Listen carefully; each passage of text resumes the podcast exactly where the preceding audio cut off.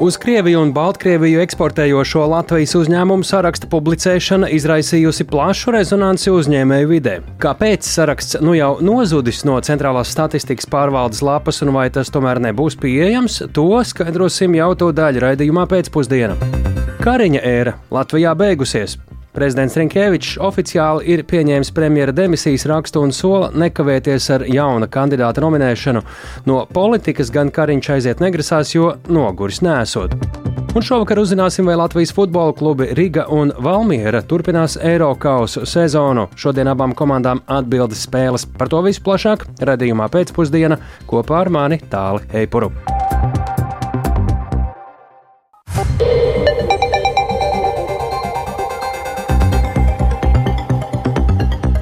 Pūkstens rāda 16,5 minūtes, skan pēcpusdienas ziņu programma, skaidrojot šodienas svarīgus notikumus studijā Tālis Eipors. Labdien! Rīgas mērs joprojām nav ievēlēts, lai gan uz amatu pretendē arī tikai viens kandidāts - mēra pienākumu izpildītājs Vilnis Čiršs no jaunās vienotības. Domas ārkārtas sēde šobrīd rīt jau uh, vairāk nekā uh, tūdaļ kolēģi precizēs, cik, bet, nu, laikam jau vismaz sešas stundas. Par to vairāk gatavs stāstīt kolēģis Viktors Demīdovs, tad arī, kurš pievienojas mums studijā. Sveiks, Viktor! Tad, uh, Rīt jau sastāvā, jau septītā stunda, tagad kā sanāk? Jā, labdien, nu es teiktu jau septītā, jo no mhm. -huh. pulksten desmitiem tas viss notiek. Un... Pastāst, jā, kur, kāpēc tās tāda nesteigšanās un tik ilgi?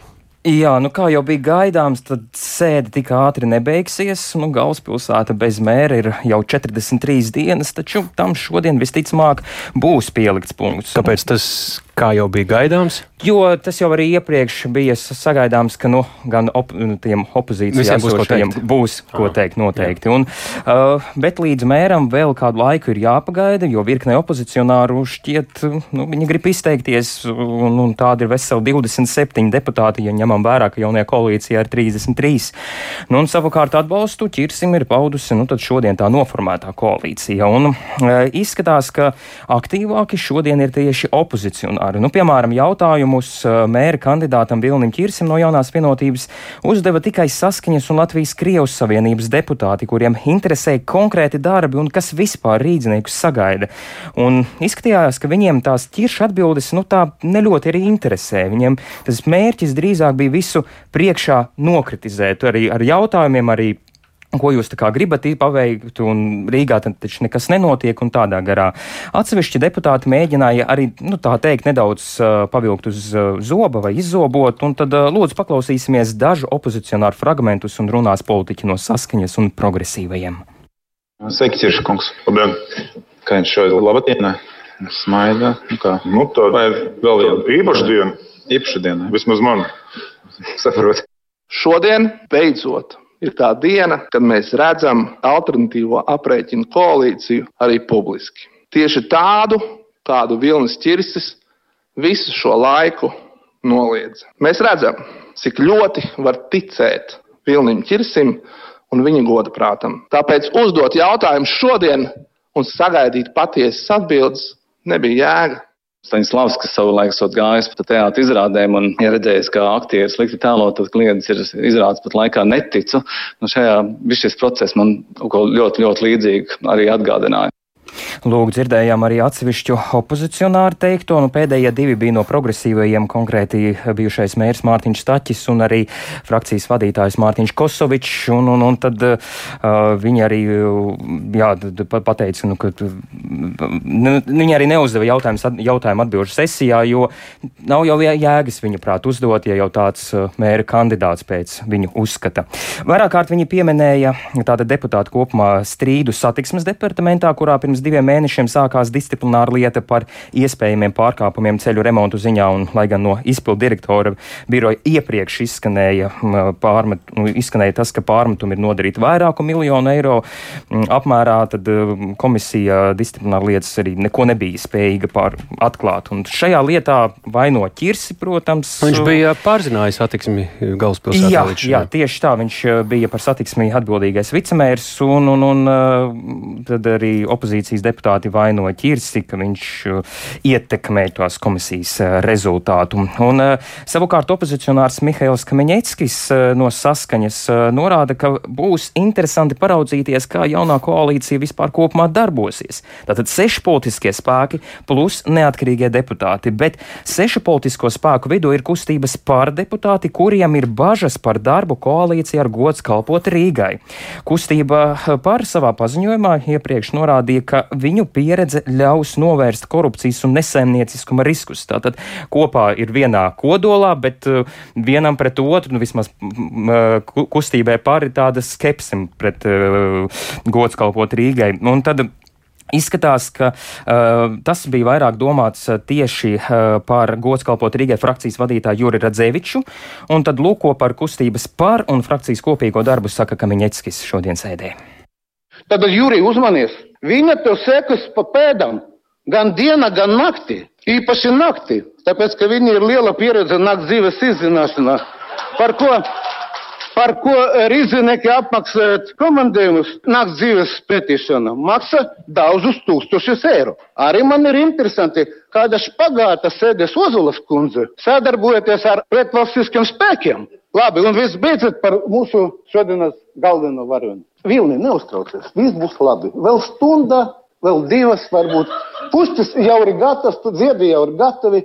Bet šodien dienas kārtībā ir rakstīts, ka ir Dūmes priekšsēdētāja ievēlēšana. Es tam pilnīgi nepiekrītu. Šodien ir kronēšana. Un pavisam drīz šis kronis būs Tirša kunga galvā. Un būs viņam labi, bet rīdziniekam ne. Tālūk, eh, saskaņas deputāts Mihails Kamiņeckis ar savu kolorīto uh, uzrunu.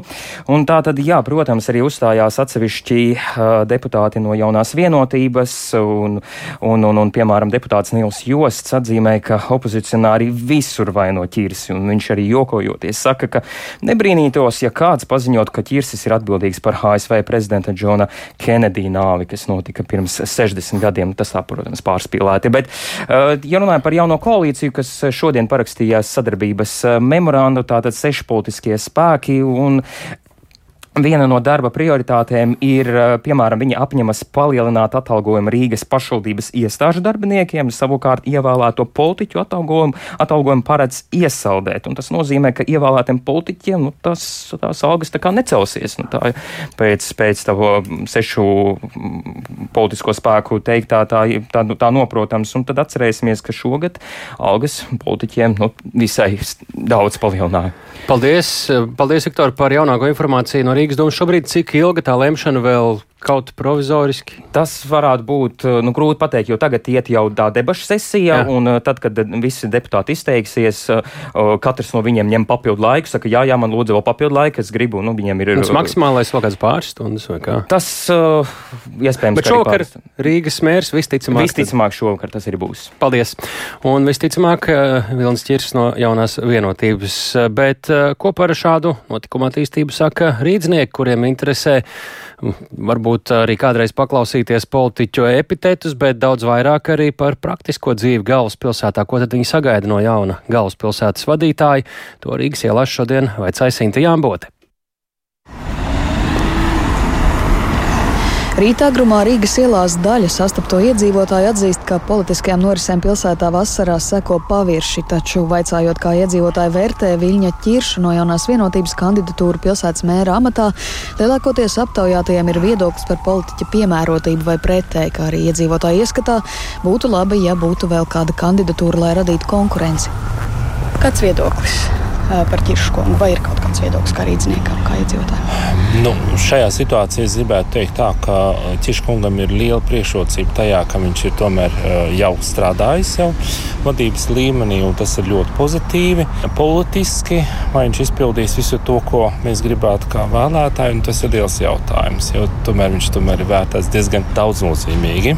Manuprāt, šī mērķa nomaiņa principā neko būtiski nemainīs. Man tā šķiet. Jā. Es esmu neapmierināta, tāpēc es gribu atpakaļ Staķu kungu. Tāpēc, ka pirmo reizi bija sajūta, ka Rīgā kaut kas sāk mainīties uz labo pusi. Nē, esmu tik pārliecināta par šobrīd ejo sastāvu. Es nezinu, grūti. Mēs vēl aizvien mēģinām tikt pāri tam šokam, ka mums ir, būs cits mērs. Negribās atkrist atpakaļ tur, kur bija, mēs bijām pirms diviem vai trim gadiem. Es nezinu, iegūtīgi man neinteresēs īsti nesakoja līdzi. Bet viss izskatās, ka mērs ir jāmaina. Jo Rīga izskatās ļoti slikti. Es pēdējā laikā pavadu daudz laika ārzemēs. Un uh, atbraucot, it sevišķi šogad kaut kā diezgan drums kāds. Es saprotu, mērs ir pilsētas saimnieks. Savukārt, runājot par to, ko rīznieki sagaida no jaunā pilsētas mēra un kādām prioritātēm būtu jāpievērš lielāku uzmanību, Latvijas radio aptaujātie izceļ Rīgas infrastruktūru, ietves ceļus un autostāvvietas, kā arī atbalstu sociālā riska iedzīvotājiem un turpmāku apkaimju kopienu stiprināšanu cilvēki ir prioritāte un uh, mainās infrastruktūra. Pilsēta paliek draudzīgāka ģimenēm, jebkuram iedzīvotājam. Viņa paliek nedaudz lēnāka. Un, uh, tas ir tas, ko es kā rīzniece ļoti vēlētos redzēt. Ar visu to hausu, kas tur remonti visi reizē un sastrēgumi un hauss. Un, un, un, sabiedriskais pat kavē, tas ir bijis traucē ikdienā. Tie saraktie ceļi un viss, Jā. un tad sāksies skola, un tas būs baigais haoss pilsētā. Tur noteikti jutīs visi. Tagad, ko es redzu, salīdzinot ar eh, dažiem, pirms dažiem gadiem, ir ļoti daudz bezjumtnieku. Nu, ir ļoti liels kontrasts, es to redzu, jo es te dzīvoju pirms pieciem gadiem, un tagad atkal atbraucu mm. atpakaļ. Un ir ļoti liela atšķirība. Ir pēc Covid arī, kā daudz cilvēku pazaudēja darbu un, un mājas un viss tas. Tāpēc tāpēc tas ir diezgan svarīgi. Tātad pirmā kārtā, lai šis te nu, bataks ar ielām, kas mums ir šobrīd saveidojies, un tas sanāk viss vienopus, burtiski vienopus. Ja? Vienlaikus gan mēs visu centru izrokām, mēs uh, mēģinām remontēt uh, tramvajas lietas, mēs mēģinām, uh, protams, infrastruktūru labi iekārtot, mēs mēģinām uztaisīt rail baltiku, tas viss ir vienopus. Mm. Tas tomēr ļoti daudz no sanikta no cilvēks, tie, tieši kuriem vajag braukt ar automašīnu. Pārliek liels slodzi infrastruktūrai. Jā. Kam jābūt tām prioritātēm? jaunajam mēram? Ceļi noteikti, un nu, es nezinu, ļoti daudz kaut kā pamesto, neremontētu eku. Tieši tādi grausti būtu jāsaka jā, kārtībā. Jā, jā, jā, tieši tā. Tāpat Rīgas iedzīvotāji vēl piebilda, ka tad, ja Vilnis Čirsis tiks šodien ievēlēts, turpmāk rīdznieks sekos līdzi mēra darbiem, un neskatoties uz nepilnu termiņu mēra krēslā, viņa paveikto iedzīvotāji ņemšot vērā pirms vēlēšanām 2025. gadā. Sinti Ambote, Latvijas radio.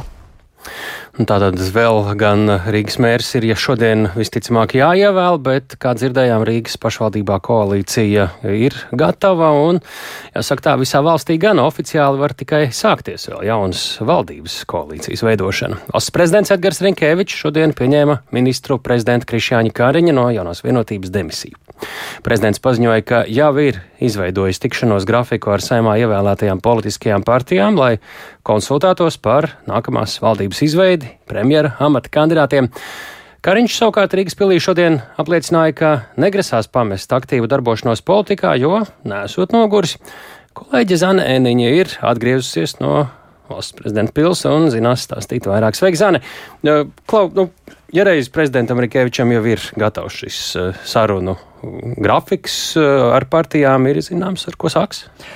Jā, tikšanās ar partijām valsts prezidentam paredzēta nākamā pirmdiena un otrdien, un pirmā tikšanās ir ar jauno vienotību pirmdien pusdesmitos no rīta, pēc tam ar Zaļo un Zemnieku savienību un pēc tam ar apvienoto sarakstu, un otrdien ir Nacionālā apvienība, progresīvie, stabilitātei un Latvija pirmajā vietā.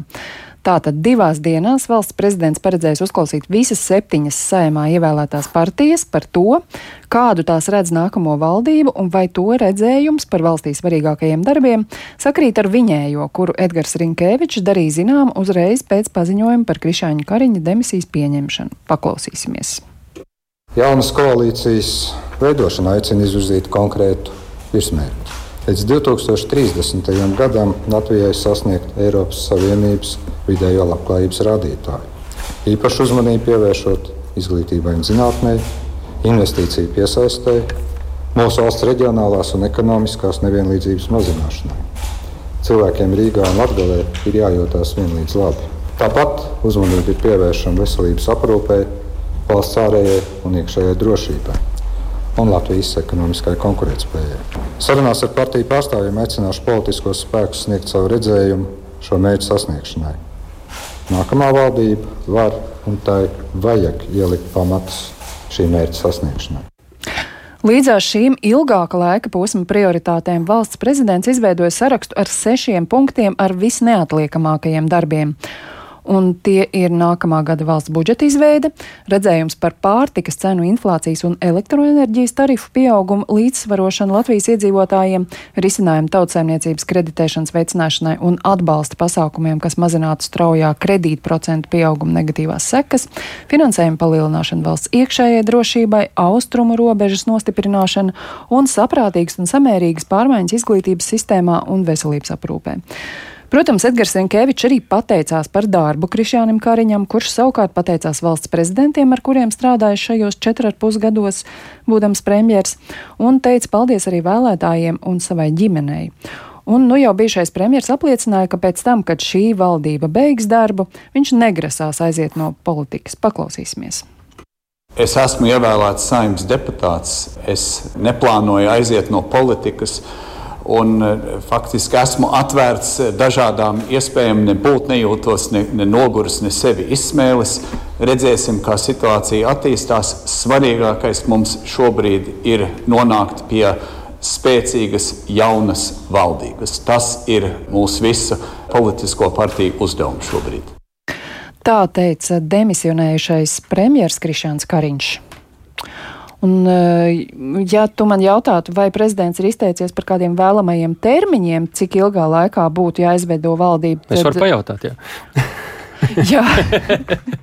Jā, eh, nu, protams, ka tas viss interesē, jo tas ir būtiski svarīgi tagad, kad budžeta veidošana ir tādā nu, pašā, tai būtu jābūt pašā tādā karstumā.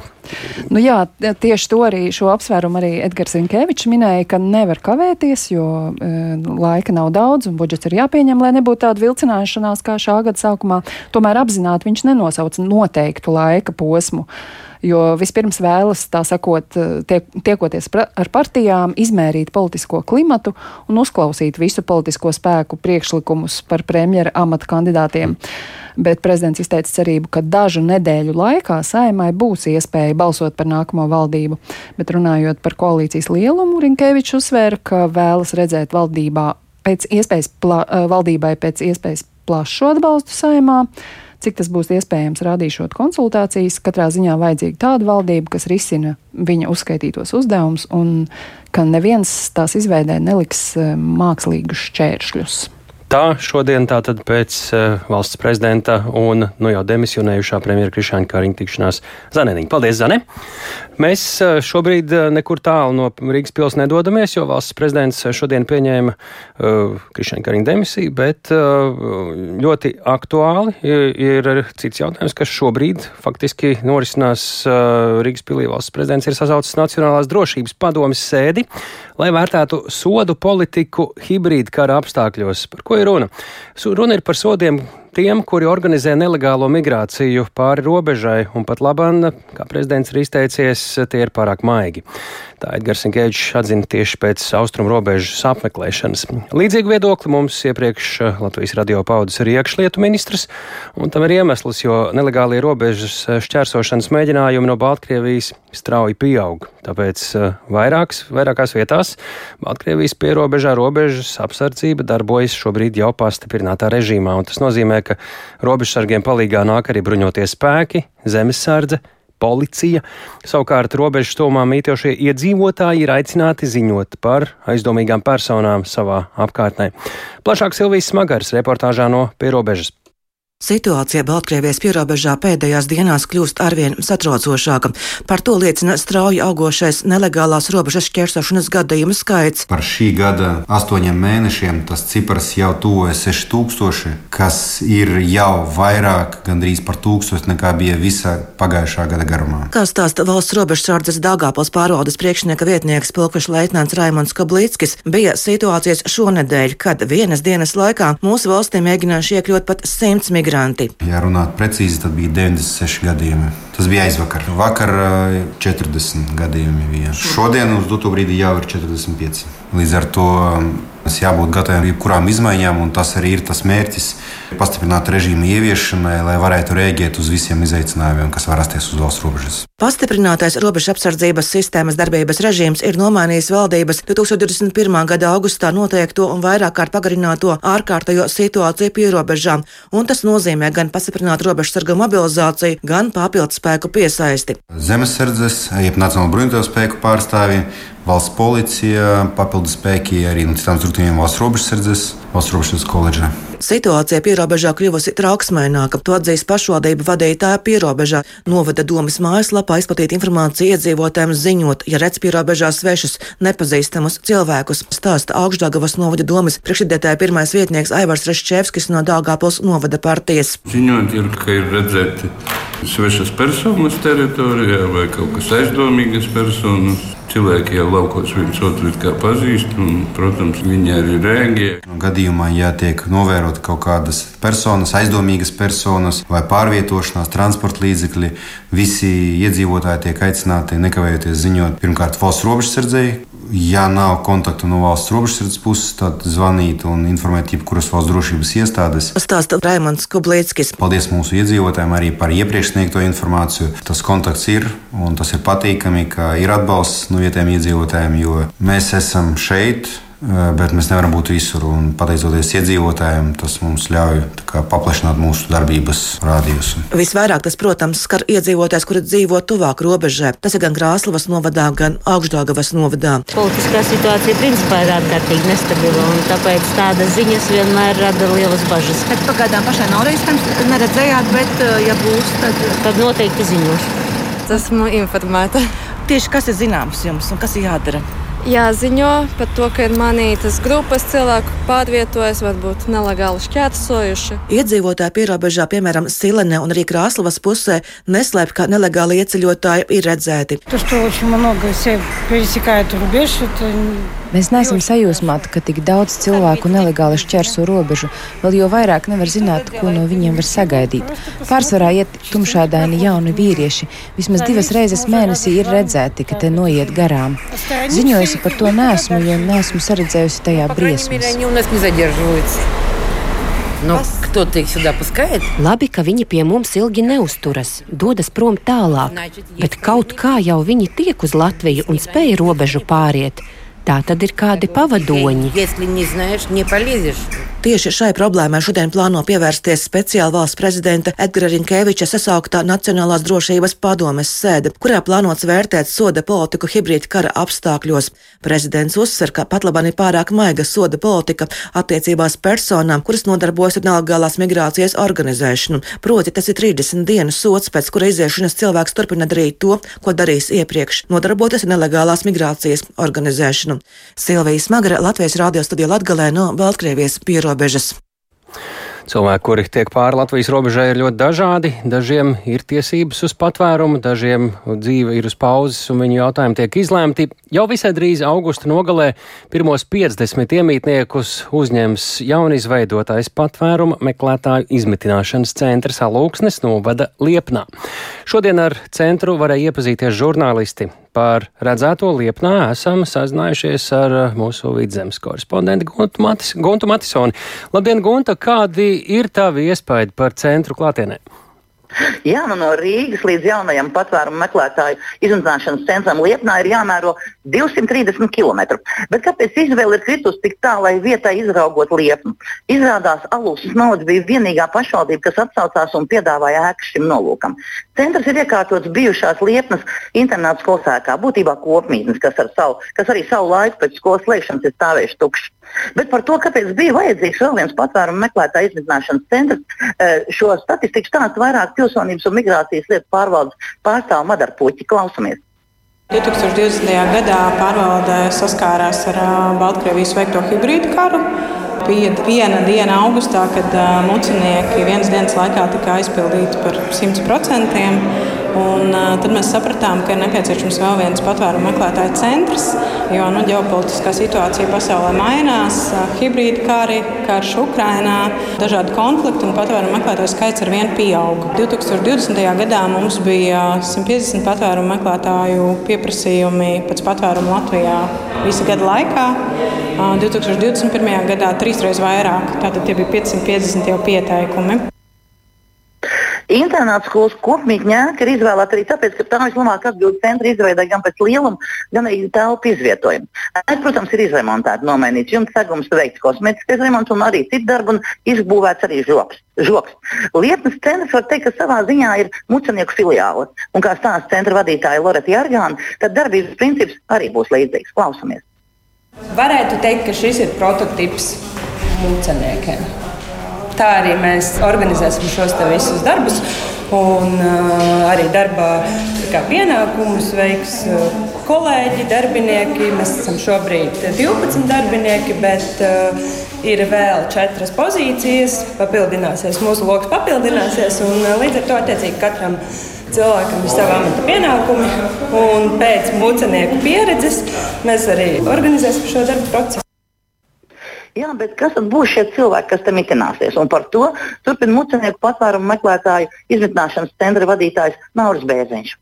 Pa priekšu visi šie cilvēki nokļūst robežsargu. Ja robežsargu rīcībā, robežsargi pārbauda viņus. Ja, un, ja robežsargiem nav jautājumu, tad šie cilvēki tiek ielaisti Latvijā uz dažādiem nosacījumiem. Šeit patvērumu meklētāju centros nokļūst tikai tādi cilvēki, kuriem nav naudas līdzekļu un nav kur dzīvot. Viņi paši nespēja sev nodrošināt.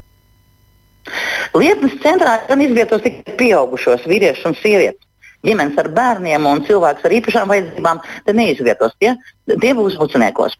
Kopumā centrs var uzņemt ap 250 iemītnieku. Un šobrīd vēl tiek gaidīts dažs aprīkojums, bet tas jau esot tuvāko dienu jautājums un plānots, ka augusta nogalē te jau būs pirmie patvērumu meklētāji. Tāli. Jā, Gunta, Liepna, tas ir pagasts, kas atrodas vai apdzīvot vietā, es nezinu, oficiālo statusu diezgan tuvu Krievijas robežai. Mēs zinām, ka liela migrācija pār Krievijas robežu ir ar cilvēkiem, kuri brauc no Ukrainas. Baltkrievijā savukārt ir daudz šo nelegālo cilvēku, līdz ar to kāds kontingents veidosies, to mēs redzēsim, bet ko par jauno centru un gaidāmajiem kaimiņiem saka vietējie liepnes iedzīvotāji, jo mēs zinām, ka mucinieku pusē ne visi ir apmierināti ar to, kā tur klājas. Jā, lai cik tas nebūtu dīvaini, mēs, teiksim, vi, jā, es parunāju arī ar cilvēkiem, un lai cik tas nebūtu dīvaini, tieši cilvēki, kurus es saprotu, ka viņiem nav latviešu valoda, dzimtā valoda, jā, mēs viņi runāja latviski, viņi visi atzina, ka būtībā, ka būtībā, ka viņi atbalsta šī centra izveidi. Protams, bija arī, nu, kā lai saka, skeptiskie, kur nevar, kur saka, ka nevar paredzēt, kā būs ar to sadzīvošanu un kā tas viss var izvērsties. Jo būtībā cilvēki jau varēs staigāt teiksim, uz veikalu un jau nebūs ieslodzīti. Ja? Bet bija cilvēki, kuri, kuri man, man patīk viena, cilvēka, viena, viena vīrieša teiciena. Mēs visi esam cilvēki, un ja cilvēks kļūst nelaimē, ir jāpalīdz. Tā Gunta Matisone ziņojot par uh, tikko durvis vērušo patvērumu meklētāju centru, kas uh, ir faktiski kā filiāla muciniekiem, bet šoreiz tas ir alūksnes novada Liepnā. Paldies Guntai Matisonē. Tikmēr par kādu kustību, kura arī turpinās pāri robežām no uh, Latvijas uz Baltkrieviju, uz Krieviju, nevis no Krievijas un no Baltkrievijas. Runa ir par eksportu, Latvijas eksportu šīm abām valstīm, un tur ir radusies kāda nepatīkama situācija. Centrālā statistikas pārvalde tās mājaslapā izrādās vairs nav pieejams uz Krieviju un Baltkrieviju eksportējošo Latvijas uzņēmumu saraksts. Tas bija publicēts vakar ekonomikas ministrs Ilzas Indriksons no Nacionālās apvienības uzdevumā, taču pēc sarakstā iekļauto uzņēmumu iebildēm saraksts statistikas pārvaldes mājaslapā vairs nav pieejams. Šobrīd pārvalde pārskata saraksta veidošanas eh, principus un to publicēs atkārtoti. Kāpēc saraksts atsaukts un kas tad pēc uzņēmējiem dom domām tajā nav bijis korekti? Situāciju šodien mēdījiem skaidroja gan pārvalde, gan ekonomikas ministrija, un šim notikumam līdz seko arī Sinti Jāmboti kolēģi. Kura mums pievienojas studijā? Sintī, eh, stāstīja, eh, par ko tad te ir runa? Nu, kuri gal galā bija tie uzņēmumi, kuri norādīja uz nepilnībām un kas tās bija par nepilnībām?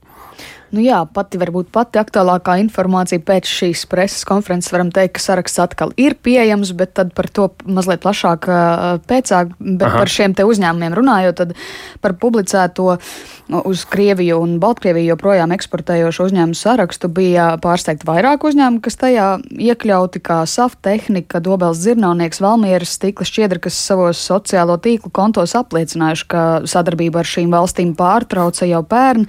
Pārmetums par nekorekto sarakstu un tādu uzņēmumu reputācijas graukšanu izteica arī Latvijas darba devēja konfederācijas, Latvijas kokrūpniecības federācijas pārstāvji un, piemēram, Pārtiks uzņēmuma federācijas padomas priekšsēdētāja Ināra Šūrē ziņu aģentūrai Leta paudus, ka saraksts, pub, saraksta publiskošana bijusi bezatbildīga, jo uz vairāk nekā desmit stundām tādai linča tiesai tika nodoti pārtiks un citu nozaru uzņēmumi, kuri līdz ar kara pirmajām dienām pārtrauc jebkādu sadarbību ar eh, Krieviju un Baltkrieviju un uzreiz eh, nosūtīja pirmās palīdzības kravas arī Ukrainai, ko turpina darīt. Cik liela šobrīd. daļa bija tādu? Neeksportējošu uzņēmumu, kur tomēr bija sarakstā, tomēr, vai, vai daži tie bija? Diezgan liela tomēr. daļa, jo, mm. jā, par tiem cipariem runājot, ja vienkārši 2019. gadā uz Krieviju eksportēja 1095 uzņēmumu, un šī gada pirmajā pusē to skaits it kā samazinājās līdz 307, bet tagad atkal tajā aktualizētajā sarakstā ir atrodami tikai 168 mm. uzņēmumi, tā kā diezgan ievērojama uh, daļa ir uh, koriģēta. Uh, bet, nu jā, reaģējot uz tiem pārmetumiem, tad, tad CSP šo jau nopublicēja publicēto uzņēmēju sarakstu izņēma no oficiālā statistikas portāla. CSP vadītāja Aija Žīgura skaidroja, ka šis pārpratums radies, jo tas eh, saraksts, kas vakar nonāca sabiedrības rīcībā, iekļāvis tos, kas eksportējuši uz Krieviju un Baltkrieviju jau kopš 22. gada sākuma. Kad kā ar pilnā iebrukuma vēl nebija. Tieši tā, un eh, vai arī bija, bet tas arī nu, ir process un kaut mm. kādu laika posmu paņem, lai iziet no tā tirgus, un, un tur tās atšķirības ir būtiskas, jo šo eksportējušo uzņēmumu skaits tiešām saruka tieši pēdējā gada laikā. Un CSP vadītāji arī atvainojās šiem uzņēmumiem. Nu, varam paklausīties viņas teikto. Tātad pirmā kolonna bija iepriekšējo gadu. Tas bija visa 2022. gada, sākot no gada sākuma līdz gada beigām. Visu firmu nosaukumi, kurām bija šāda veida eksporta darbības. Šoreiz, diemžēl, pierādījās, ka vārdam komunikācija visticamāk nav pienākoša loma šai vienkāršajā valodā, izskaidrot, kas šie ir pa datiem un ko viņi raksturo. Un līdz ar to jā, tas ir radījis, es pat teiktu, nevajadzīgus pārpratumus un sajukumu. Protams, tas arī atvienošanos tiem uzņēmumiem, kuri tika kaut kādā veidā izmantojot šos datus, skati ar, ar viedokli. Jo es varu arī tikai, tikai to pašu teikt, ka šie lieli nozīmīgi uzņēmēji, kas strādā gan valsts labā un arī atbalsta valsts intereses arī šajā smagajā laikā. Vēl Žīgurs skaidroja, ka iepriekš sarakstā bijuši ne tikai uzņēmumi, kuri veikuši eksporta darbības, bet arī, piemēram, preču vai iekārtu atgriešanas darbības. CSP saņēmuši šorīt arī kaudzi vēstuļu, kurās uzņēmēji norāda, ka nav eksportējuši uz Krieviju vai Baltkrieviju, bet iekļuvuši sarakstā, jo nepareizi norādīts valsts kods, ko tad arī vēl pārvalda analizēs un aktualizēs sarakstā. Ehm, nu, pat CSP šo sarakstu tad atkal padarīja pieejamu no jauna, un tur tad iekļaut uzņēmumu, kas tieši šogad vēl darbojas Krievijas un Baltkrievijas tirgos. Ehm, iepriekš šo uzņēmumu publiskošanu liedzas ehm, komerc informācijas noslēpuma regulējums, tā to komunicēja gan CSP, gan ekonomikas ministrija, bet ekonomikas ministri Ilza Indriksona norādījis, ka statistikas likuma normas ļauj CSP publiskot uzņēmumu nosaukums, kas veic eksportu uz konkrēto valstī pēc būtības un neidentificējot tos eksportus eksporta apmēru summas vai citu detalizētu informāciju sarakstu var uh, publiskot, un tas tika uzdots mm. arī CSP. Un, uh, un turpmāk tad, uh, tas uh, CSP būs uh, jāaktualizē šis saraksts reizi mēnesī. Uh, bet vēl komentējot, kāpēc šie dati publisko tikai tagad, ekonomikas ministrijas valsts uh, sekretāra vietnieks Remons Lapiņš un CSP vadītāji norādīja, ka tā bijusi appusēja komunikācijas problēma medijiem pieprasot šos datus. Lūk, Sanāca veci dati, tagad būs aktualizēti. Paldies, Sintījai Ambotei. Mēs uh, turpinām sekot līdzi uh, arī kontekstā ar Krievijas iebrukumu Ukrainā. Ja dzirdējām tagad par Latvijas ekonomiku, tad kā tad šobrīd, šobrīd sokas kara plosītās Ukrainas ekonomikai? Pēc Krievijas vispārējā iebrukuma Ukrainā pirmajā gadā piedzīvotajiem pamatīgajiem satricinājumiem ekonomikā valsts pamazām ir sākusi pielāgoties dzīvei kara apstākļos. Un Vairāk par to, kādā situācijā šobrīd ir Ukrainas ekonomika un finanšu sektors, mēs esam sazinājušies ar Latvijas radio korespondentu Ukrainā Indru Sprānci. Sveika, Indra, lūdzu! Labdien, jā, Krievijas nemitīgie uzbrukumi Ukrainai atstājuši, protams, graujošu iespaidu uz tās ekonomiku.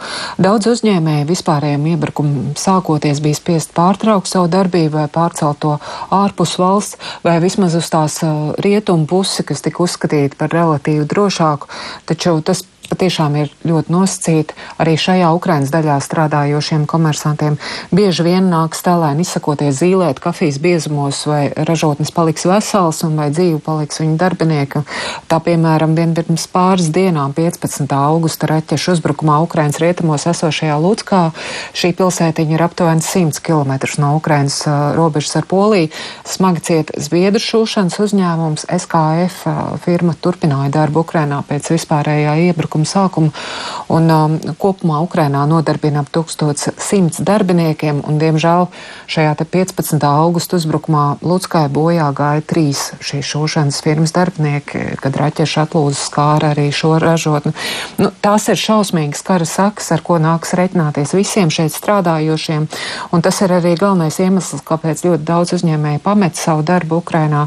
Arī lielas startautiskas kompānijas ir, piemēram, pasaulē zinām liela veikala tīkla tīklu, kas Ukrainā veiksmīgi darbojās līdz 24. februārim, bet pēc vispārējā iebrukuma pārtrauc darbu, un, un tā tas ir joprojām. Tātad vir, virkne lielo tīklu joprojām nestrādā šeit, un tā visam, protams, ir arī ietekme uz ekonomiku. Tāpat kā milzīga ietekme ir arī apstākļiem, ka miljoniem cilvēku pamet Ukrainu, un vēl aptuveni 6 miljoni, vairāk kā 6 miljoni devās bēgļu gaitās valsts iekšienē. Taču, neskatoties uz visiem šiem milzīgajiem izaicinājumiem. Pēdējā pusgadā situācija ekonomikā stabilizējusies un darba tirgu pamazām vērojami uzlabojumi, par ko liecina arī, ka palielinājusies arī um, darba alga strādājošiem.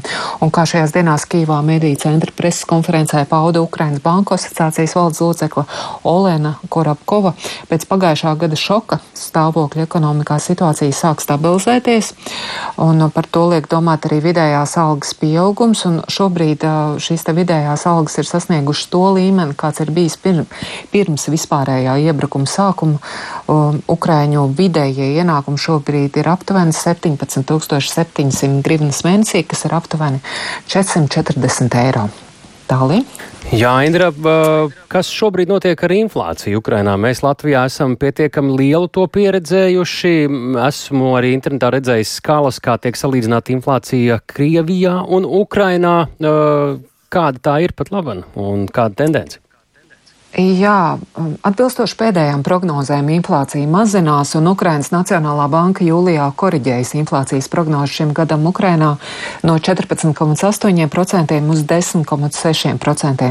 Un, tas ir saistīts ar kopējās situācijas pasaulē uzlabošanos un arī ar stingriem monetāriem un citiem pasākumiem valstī.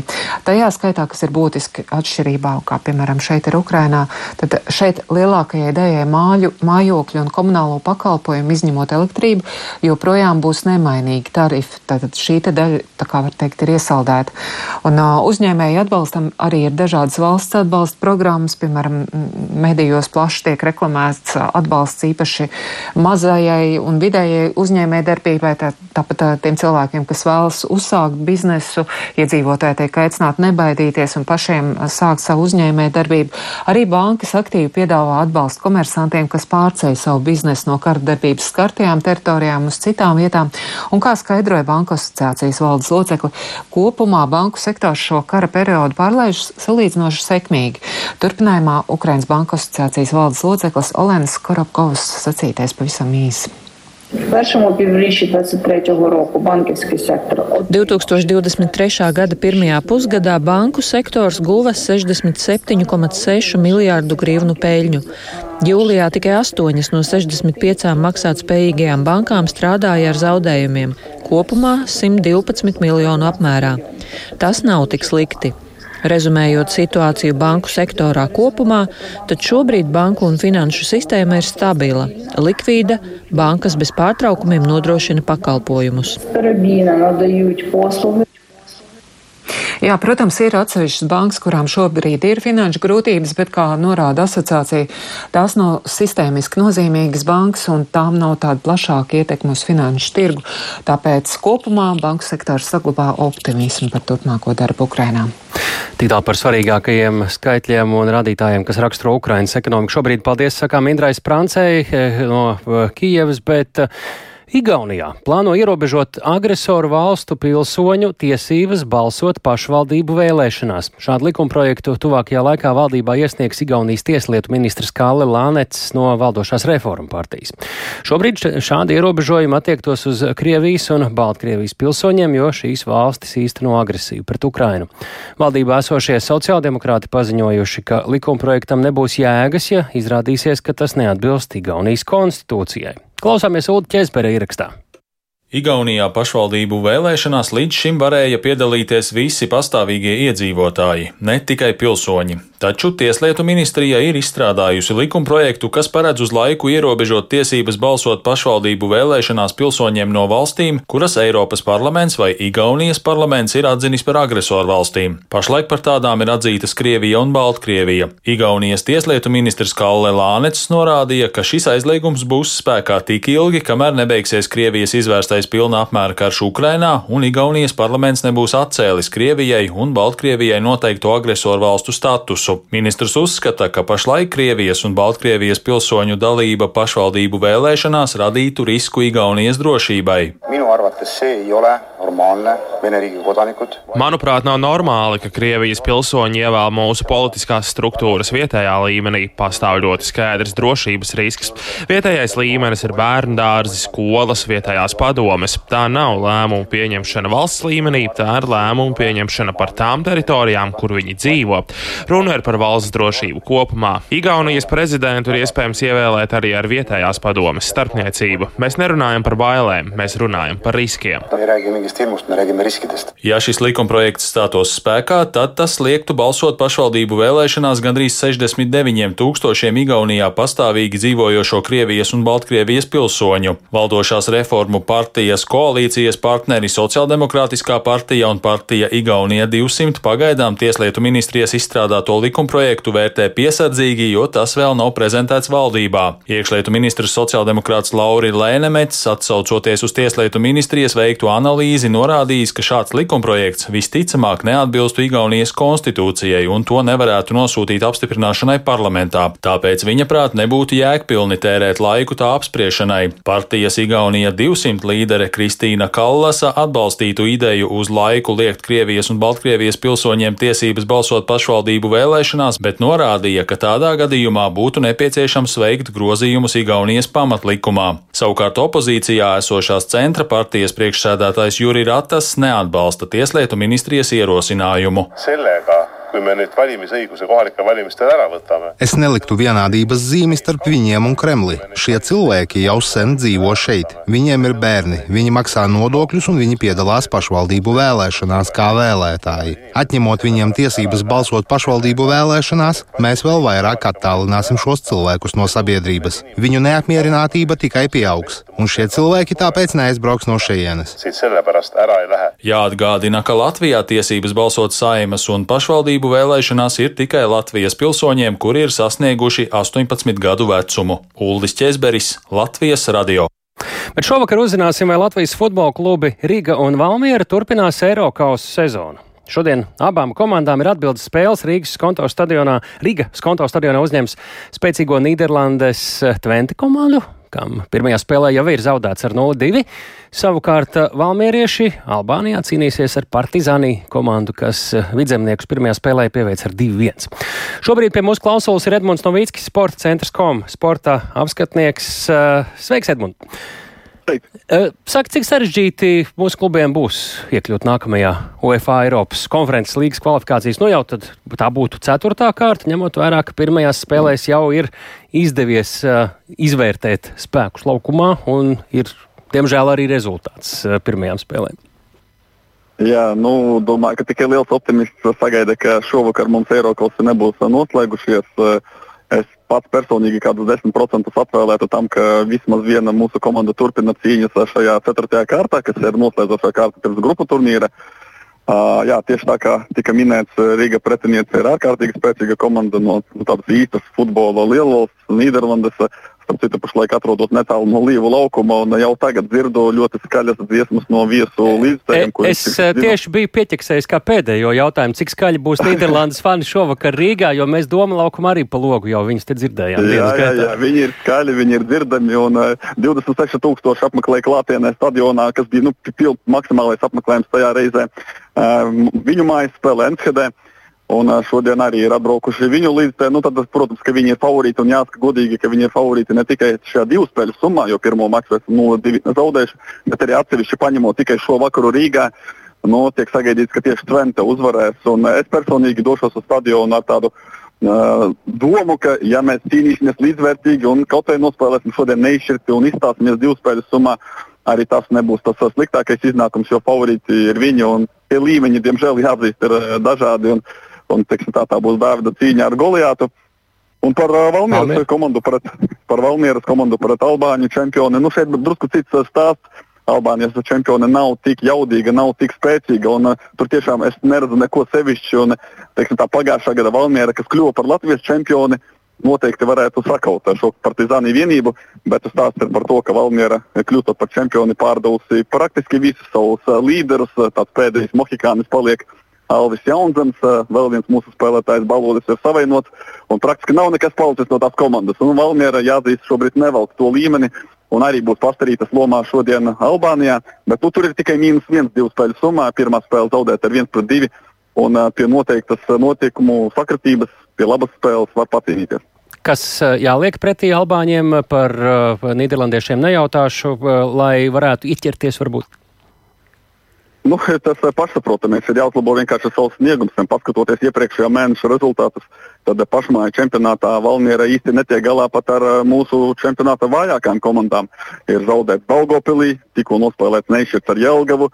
Ļoti lielām pūlēm Valmiera pieveica metu.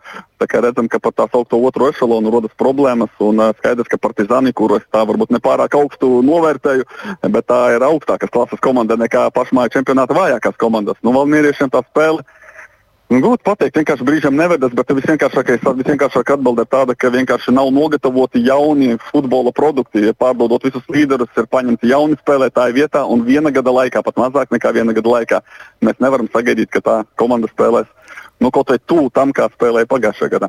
Bet lieliska pieredze, tāpēc arī tie Eiro kausi ir uh, arī šāda līmeņa klubiem, ne tikai Čempionu līga notiek. Uh, sakojam līdzi un šovakar uh, Rīgā. Tātad mājas spēle Rīgai, Valmieriešu izbraukumā, ejam uz, uz konto stadionu, skatāmies augstu līmeņu futbolu no uh, tribīnēm. Paldies Edmundam Novickim, sporta centrs.com, sporta apskatniekam. Mēs uh, sakām paldies arī klausītājiem. Šis bija ziņu redzījums pēcpusdienu, to veidoja Tāles Eipors, Ilza Agīnta, Renārs Gunārs Šteimans, Kristaps Runģis. Klausieties mūs arī Latvijas radio mobilajā lietotnē, meklējot dienas ziņas, uh, un tur to var darīt jebkurā jums ērtā laikā. Līdz rītam!